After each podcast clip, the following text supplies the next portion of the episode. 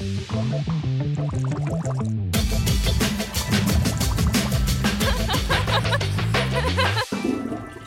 Halo, sudah lama ya tidak memunculkan video.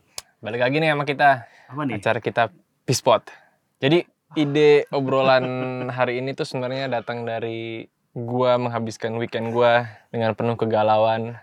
Kita sebenarnya hari ini mau ngebahas film yang gua pikir kalau kita throwback 2019 ini ya, ini mungkin subjektif. Cuman gue bakal bilang ini adalah kapital G, kapital E, kapital M. Jam. Bagus banget. Cantik banget. Siapa dulu dong sutradaranya? Aduh. Jadi eh balik lagi gue Yuda dan ini Getar. Kita berdua emang penggemar film ya, Cik. Penonton dan Penonton, penggemar. penonton. dan penggemar lah ya. Benar, penonton, penggemar. Ya, kebetulan juga kita juga bergerak di bidang itu Hmm, juga. yoi. Jadi kita mencoba untuk membicarakan, mendiskusikan apa tar nama filmnya tar. Judulnya Marriage Story by Noah Bombah. Nah kalau misalnya belum ada yang tahu Noah Bombah itu siapa? Noah Bombah siapa tar? Siapa tar? Noah Bombah itu penulis skenario. Eh, dia film pertamanya itu Kicking and Screaming. Eh, abis itu kalau misalnya lo semua nonton film-filmnya Wes Anderson, dia dua film sama Wes Anderson. Hmm. Yang paling terkenal itu eh, Life Aquatic with Steve Zissou. Habis itu dia buat film judulnya Frances Ha. Tapi sebelum itu juga Iya. dia ada sesuatu yang terkenal juga, Squid and the Whale. Iya, itu salah satu favorit gua. Dan kalau misalnya ditanya film favorit lo apa, gua pasti jawab The Squid and the Whale gitu. Terus sempat di Netflix juga apa Merowitz. Oh Stories iya, ya? eh, iya, Marriage Stories itu Marriage Story. itu Netflix dan itu eh, kalau misalnya kita kenal yang namanya Adam Sandler. Iya. Terus Greenberg juga dia sama Ben Stiller. Terus dia kerja sama lagi sama Ben Stiller itu di film apa ya, sama Adam Driver juga tuh. Ya benar. Iya kan? Iya. Gue lupa apa judul filmnya. Good film tuh. Terus terakhir ya Ya. Para pecinta film di luar Iya. sana pasti kan sudah mendapatkan apa ya teaser-teaser lah dari bulan apa ya kemarin ya. Kalau misalnya kita menonton Netflix juga, kalau kalian menonton net- eh, pengguna Netflix juga, Ah. em, gemboran-gemboran film ini mulai dari bulan November ya Iya. sebenarnya. Iya iya iya. Dari trailernya pun kita udah melihat sebuah bombas yang apa ya ini bakal memancing sebuah diskusi yang panjang sih sebenarnya. Cuman kita persingkat ya intinya ya. Iya. Eh by the way, ini Oh, perlu, iya. ini ada bakal ada spoiler loh ya. Jadi Iya. kalau misalnya lu belum nonton, Mending skip aja. mending skip dulu. Iya. Kalau misalnya lu mau tip, lu tipe orang yang suka spoilernya dulu baru nonton ya Iya, silakan. silakan. Eh, tapi ini bakal kita dissect sih satu-satu sih kalau bisa ya. kalau bisa, kalau bisa, kalau sempat waktunya. kalau sempat waktunya juga bener. Jadi eh, filmnya adalah tentang filmnya dimainkan dengan dua eh, dua casting yang kalau menurut gue luar biasa. Banget. Luar biasa. Banget, Uh, banget, banget. kita kenal yang namanya Scarlett Johansson, famous being-nya dia sebagai Black Widow ya di, Iya. di Avengers. Um, tapi kalau gue bilang ini Scarlett Johansson di masa-masanya dia adalah what an actress. Kita terakhir lihat dia yang kayak gini, kalau menurut gue sih di Lost in Translation sih, I think. Iya. Kedua, ini tentang Scarlett Johansson yang berperan sebagai Nicole Iya. um, dan Adam Driver yang berperan sebagai Charlie. Hmm. Adam Driver terakhir dia mana apa yang terkenal ya? Itu Star Wars. Oh iya Star Wars, exactly. Iya, Ya benar-benar Star Wars. Terus dia juga um, kalau nonton series Girls, dia juga bermain di situ. Wah, dia adalah aktor yang kalau gue ngeliat kita bakal ngeliat ke depan bertahun-tahun ke depan juga. Hmm. Selama dia di tangan sutradara yang tepat sih menurut Ya bener sih. Ya oke, fair. Ceritanya tentang dua orang ini, suami dan istri, Iya. yang mencoba untuk mempertahankan proses perpisahan. Iya. Ya nggak sih? Iya, iya. Secara kekeluargaan. Secara kekeluargaan. Iya. Tapi dengan realita kita di dunia ini, yang kalau kita mau menuju proses penceraian ya, Iya, perpisahan perceraian, itu, em, pasti banyak disrupsi yang luar biasa. Wah, lu kalau nonton ini, gue sih frustrasi. frustrasi banget. Dan gue pun eh, menjadi subtle, subtle awareness ya. Kalau ini kalau lo mau cerai, mikir. lu tuh harus kaya. Lu tuh harus nggak takut duit lu tuh. Lu harus nggak takut. Lu harus nggak takut untuk jadi miskin. Iya, iya, iya. Gimana menurut lo? Gue sih sangat sangat bahagia sekali ya dengan film ini karena eh, Noah Bombah tuh adalah eh, panutan Q.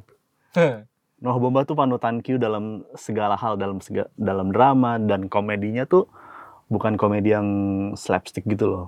Bukan komedi yang konyol dan segala macamnya. Komedinya tuh komedi apa ya? Mungkin istilahnya komedi yang smart gitu. Karena kalau misalnya kalian nonton film, terutama yang paling berasa itu adalah di, The Squid and the Whale. Abis itu ketika dia nulis bareng sama Wes Anderson gitu, sangat berasa. Oh gue inget eh, dia nulis sama Wes Anderson tuh Steve Zissou sama eh, Fantastic Mr. Hmm, Fox. ya. Dan itu komedinya bener-bener sampah tapi lucu banget gitu loh. Setelah eh, dia apa dia bikin Frances Ha, Frances Ha gue nggak bisa relate.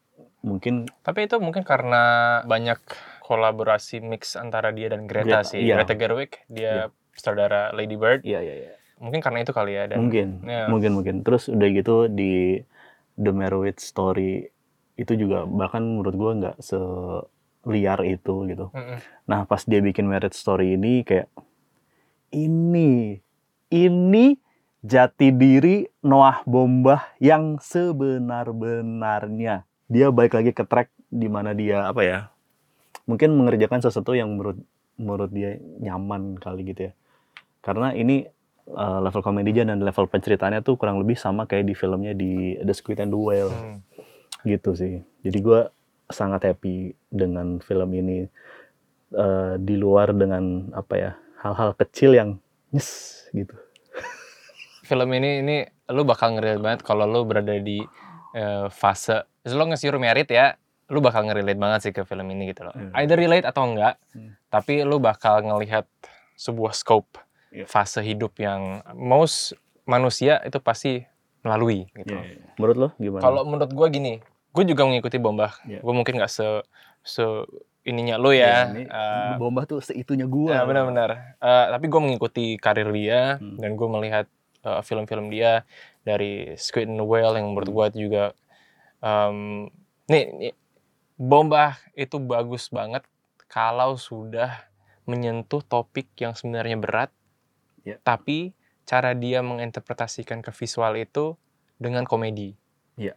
Eh, That's- jadinya What I like about bomba. jadinya dia tuh seperti kayak menertawakan Iya. eh, menertawakan kondisi Iya. yang yang apa ya yang yang lagi brengsek lah yang Iya. lagi sesuatu yang kita nggak expect itu ternyata ada unsur lucunya gitu loh somehow objectivity-nya dia tuh lumayan bisa ter tervisualisasikan di film-filmnya dia gitu Mhm.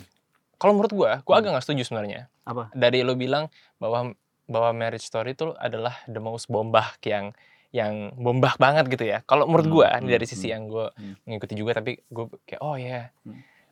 gue bakal bilang gue ketuk palu Marriage Story, wah suatu yang baru dari bombah. Kalau menurut gua, Hmm. kenapa? Soalnya eh, kayak tadi lo juga sempat mention dari dari Squid and the Whale, dia Hmm. menemukan sebuah niche theme Yep. genre yang kalau menurut gua dia kayak, uh ini dapat nih storytelling yang yang yang pas buat dia gitu. Hmm.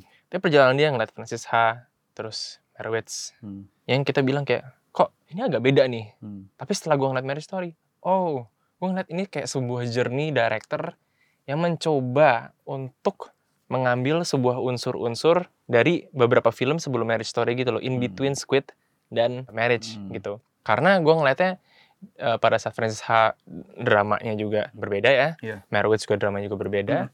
dan pada saat gua ngeliat Marriage Story, ini pure menurut gua drama yang tidak ada di Squid, tapi sebuah evolusi drama yang kalau menurut gua dia temukan.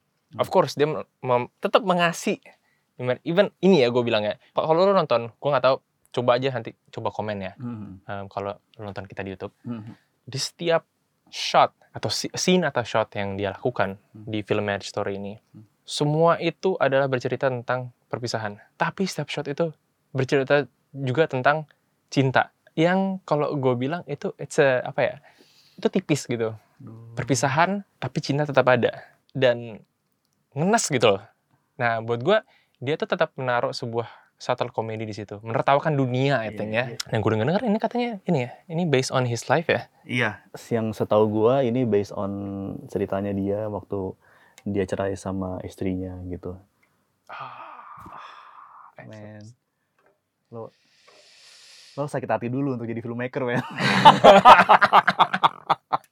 Tapi ya itu tadi gue bilang bahwa level dramanya itu lebih lebih tinggi lagi daripada The Squid and the. Whale gitu. Karena ya itu tadi lo bilang bahwa di setiap di setiap detailnya itu tuh pas shot dan scene itu sangat detail. Ah, kayak aduh gue mau gue mau cari celah gitu aduh kayaknya nggak ada deh gitu kayaknya Eh, sebenarnya gini, gue gue bisa ngeliat dari awal di mana kita melihat sebuah uh, montages ya. Montage itu adalah cuttingan shots Yes. eh, and, and Opening scenes opening lah di yang dia treat sebagai uh, introduction gitu. Hmm. Dia melihatkan uh, the happiness uh, sebuah family. Hmm. Um, husband and wife Hmm. yang bertemu di dunia teater, dunia film Iya, actually, iya. dunia industri industri kita ini Hmm. gitu dan mencoba untuk merintis jejak Charlie as a director teater dan sebuah I call it dilema ya? Hmm. dilema Nicole yang dia mencoba untuk mendukung suaminya. Di sini kita melihat sebuah perjalanan itu dengan kemasan yang gue manis banget. Manis banget. Dan lu tahu manis ini pasti bakal bakal masuk ke daerah yang gak enak gitu ya. Dan itu kita ngeliat itu kayak what tiga empat tiga menit ya tiga empat Iya, menit di iya. awal brak tiba-tiba lu langsung disuguhkan sebuah kesunyian yang dan kesunyian ini lu bakal melihat sampai towards the end almost in the end ya Iya. karena lu melihat kesunyian dua orang ini dan dan kesunyian ini nggak hanya dari dialog tapi dari visual kalau lu eh, nanti nonton mereka tuh selalu membicarakan yang namanya space space ini menjadi sebuah treatment bombah sih di keseluruhan film ini kalau menurut gua salah satu treatment visual ya Hmm. yang kalau menurut gua itu dilakukan bombah untuk mendescribe sebuah jarak Hmm. antara karakter dan itu ngebuat sebuah discomfort sih kalau menurut gua. Discomfort ke gua nonton. Komedinya adalah itu disebutkan. Kayak yang pas bagian mana? Disebutkan oleh beberapa orang ngedescribe California. Yang mana? About space. Ya lu kenapa nggak pindah ke sini? Oh di sini tuh banyak iya, iya, space iya, loh. iya, iya. dan itu membuat karakter Charlie pun annoyed. Dan gue kesel juga denger gue tahu banyak space. That's not the point gitu loh. Itu nggak nggak nggak itu gitu. Iya, iya, dan setiap kali kita melihat Charlie and Nicole lu pasti ngeliat jarak. Either itu kosong atau itu ada anaknya. Itu keseluruhan. Ya, itu konsistensi itu throughout sampai terakhir. Sampai akhirnya pada saat lu nanti lihat ending shotnya. Aduh, itu kalau gue berbicara tentang treatment bombak di sini. setelah nonton itu gue gua ngerasa kayak ini filmnya sangat sangat detail ya karena sangat sangat Oh, berasa di setiap Banget. setiap scene dan setiap shotnya bahkan banyak long take long take Bener. iya kan banyak long take Wah. long take yang bahkan yang scene yang di Duh, gue merinding AC kali. oh iya mungkin yang di rumah itu yang berantem yang dia kan kan abis abis sidang habis itu dia ketemu di rumahnya itu yang Hmm. berantem itu kan yang sampai 50 take Yang dia di California ya? Iya. Oh iya iya benar-benar. Itu sampai 50 sampai take. 50 kali 50 kali pengambilan gambar ya cuma untuk ngedapetin itu sih. Dan dan gue dengarnya Hmm. eh, bombak di sini itu tidak me-encourage pemain-pemainnya untuk melakukan improvisasi. Yang dia tulis itu udah dari awal. Ini gue dengar dari dari conversationnya Adam Driver sama Scarlett Johansson sih Hmm. pada saat mereka berbicara tentang bombah di film ini. Dia dari awal udah dibilang skrip ini adalah your words, eh, your lines, your sentence, your life gitu. Jadi dia udah nggak mau ada semacam ad libs atau gimana ya kemarin gue ngobrol sama teman gue gue juga nggak tahu apakah ini karena personal tapi most of his personal life kan ada di film dia Iya, gitu ya iya. cuman di sini tuh mungkin sesuatu yang dia juga takut untuk me- me- apa ya ada ada influence lain kali gue nggak tahu ya Oh, iya, sebagai director iya. I think kita juga merasa bakal bakal sensitif untuk menjaga sebuah Iya. Sebuah cerita gitu Iya, loh iya. apalagi kalau itu sesuatu yang dia nggak berani juga tadinya untuk Iya. mengeluarkan ya setiap scene itu kan sangat detail dan shotnya segala macam ya. Gue gue justru mikir kayak gimana pas dia nulis gitu ya. Tuh, karena gue menurut gue ya sepengalaman gue nggak mungkin uh, dia nulis tapi sambil mikir sedetail itu. Ya. Itu kalau menurut gue dia bikin garis besarnya dulu sih. Hmm. Garis besarnya dulu uh, seperti apa. Uh, setelah itu baru dia lihat lagi, di, dibaca lagi kayak oh, mungkin ini kan dia kan sutradaranya juga kan. Bener. Jadi dia kayak oh mungkin bagian ini gue bisa treatmentnya seperti ini, Hmm. treatmentnya seperti ini. Jadi dia punya waktu yang cukup untuk ngebedah si skenario sendiri gitu sih. Gitu gak sih? Mungkin ya. Tapi kan setelah dia detail cerai dia banget. langsung nulis kali. Gue nggak tahu. gue nggak yakin ini proses yang cepet sih. Mungkin dari kehidupan dia yang dia menjalani hidup itu akhirnya pada saat perpisahan dia langsung mencurahkan atau mungkin dia punya diary atau apa Iya, gue nggak tahu sih. Tapi ya bener detail yang tadi kita bilang itu sesuatu yang kita nggak bisa ignore sih. Iya. Itu uh, uh, Hmm. ah kayak ah kayak lu kayak cherry on top gitu kayak ah gitu loh kayak aduh Scene-scene favorit lo? scene favorit pertama gue selain introduction-nya ya, yang menurut gue itu ada simple sih. Gue ada empat. Ntar, gue gue gak tau gue ada berapa cuma gue. gue gue ada satu, gue satu Iya, yang mana? Oke. Ya, itu sweet. Eh, Sebenarnya biasa sih, tapi karena gue udah tahu konteksnya mau ke mana, jadi gue kayak itu udah kayak udah berkaca-kaca gitu ya. Oke. Terus kedua itu adalah pada saat Nicole Nah, itu ke California dan bertemu lawyer yang namanya Nora yang dimainkan uh, the amazing Laura Dern which is The- which was a bitch though itu kayak bitch banget The woman from Jurassic Park. The one from Jurassic Park bener dia adalah lawyer lawyer uh, uh, divorce ya divorce Yeah. lawyer ya Hmm. perceraian dan dia sebenarnya mencoba untuk mengulik masalahnya Nicole yang kita lihat Nicole itu terbuka pertama itu di sini which itu kayak what 10 menit awal lah Iya, Deng. iya, itu Nicole langsung terbuka dengan lawyer ini pada saat kita ngelihat dari awal dia nggak terbuka Iya. Nicole terbuka di situ dan karakter si Charlie pun baru sampai kapan dia baru terbuka Iya, gitu loh iya. Oh itu juga itu karakter driven yang yang kalau menurut gue bagus banget itu jadi kita melihat sisi Nicole dulu. Dan pada saat Nicole di diulik sama lawyer ini itu gue suka banget. Tiba-tiba dia melepas semua frustrasinya dia di kehidupan perkawinannya dia sama Charlie. Gue nggak gue lupa itu one shot atau apa tapi Iya, long, long, Long take, itu juga long take, kan? itu long take dan gue juga gue juga dengar conversation Laura Dern dan uh, Scarlett Johansson di Actors on Actors itu. Hmm. Itu katanya kalau gue nggak salah dengar dia harus menghafal kan Hmm. keseluruhan itu dan dia one or two takes Iya. Scarlett Jo langsung Gitu. selesai wah itu keren banget itu favorit kedua gue kedua. ketiga ah gue nangis di sini ini adalah pada saat kita tahu Charlie harus ke California berapa kali Iya. dan pada saat dia ngambil waktu sama anaknya anaknya bilang mami rumahnya mati lampu listrik mati ini Iya, mati iya, iya. Terus anaknya langsung ngeliat apa ya so gitu. Hmm. cut to kita mereka langsung ke rumahnya uh, Nicole dan conversation Nicole dan dan Charlie itu kayak Ih, biasa aja kayak biasa gitu aja ya. karena kita tahu mereka dalam proses itu Iya. tapi karena mereka juga terbiasa dengan kebersamaan mereka itu nggak berubah somehow dan dia eh, Charlie langsung diarahkan ke eh, Box, apa itu, box listrik Panel box gitu. terus Nicole langsung bilang rambut lo panjang gitu lah intinya gitu nah kita flash tuh ke awal makanya gue suka shot eh, scene ini di montage itu kita melihat dan kita mendengar em, bahwa Nicole adalah yang memotong rambut Charlie dan anaknya Anaknya, iya. dan motong rambut dia sendiri. Iya. Dan di sini dia mengoffer dengan biasanya lo mau gue potongin nggak gitu. Iya. Dia dipotongin. Itu ah my god dan scene itu ditutup dengan shot yang luar biasa bagus adalah pada saat mereka mau nutup pagar bareng-bareng Ini gue merinding lagi. Kita melihat tatapan mereka dengan pagar yang mereka tutup. Wah, Wah. itu cantiknya bukan main. Ah, ampun. Terus ada close up-nya kan?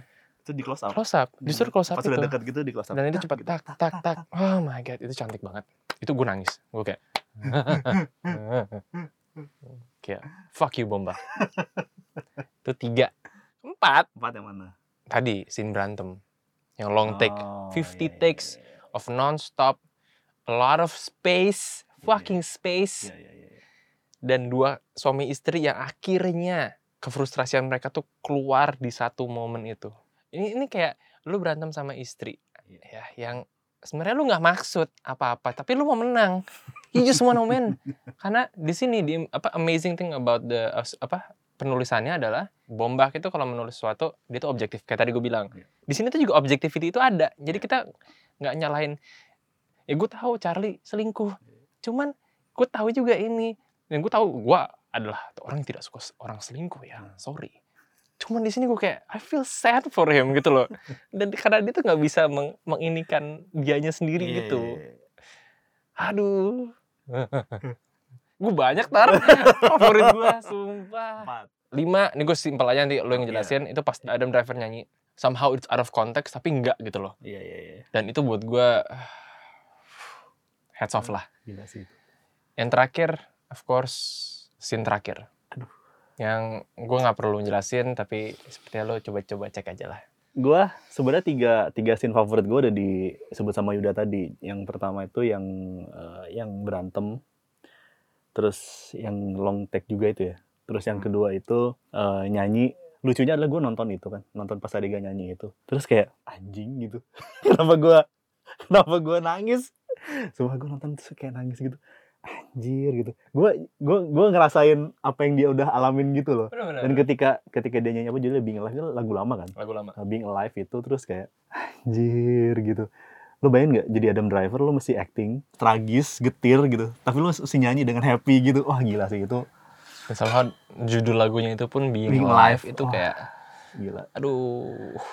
terus yang ketiga itu yang tadi scene terakhir yang ketika dia baca suratnya itu terus pas Adam Driver nangis terus gue nangis nggak yang tainya adalah Bomba eh, ngegabungin itu sama usaha anaknya buat baca kita sepanjang film kita ngelihat bahwa ini anak nih kesulitan untuk baca gitu terus The pas ru- first thing you want to read itu itu kan sampah. Fuck you bomba. sama yang terakhir yang ibaratnya apa ciri khas dapur Oh, Oh. iya. Aduh. yang di dapur wah itu lo cuman eh lo gue kasih nih nanti lo kasih suratnya ke si Charlie ya gitu Ya itu ah brilliant. Ah itu Wah. bomba. Itu bomba Iya. banget. itu sangat bomba sih gila hal sederhana terus dibuat ribet tapi kayak Tapi itu bisa jadi gua di rumah gua dan dan tante gua dan iya you iya know, iya, iya makanya itu kayak ya kayak gitu Iya. ribet aja. ribet aja gitu Iya tadi maksud gue scene terakhir tuh itu ya yang dia baca. iya Tapi gue ada penutupnya juga pada saat dia menginikan aduh tali sepatu. gue rasa kalau nggak ada si tali sepatu itu kurang cari on top gitu sih Kalau nggak ada gue frustrasi sih. iya sih Tapi di sini tuh sini- kayak kayak gini loh, kayak mengikat. Itu kayak gue ibaratnya adalah ini closure gue sama lo. Kayak ibaratnya I'll do this the last time gitu loh. iya iya gitu.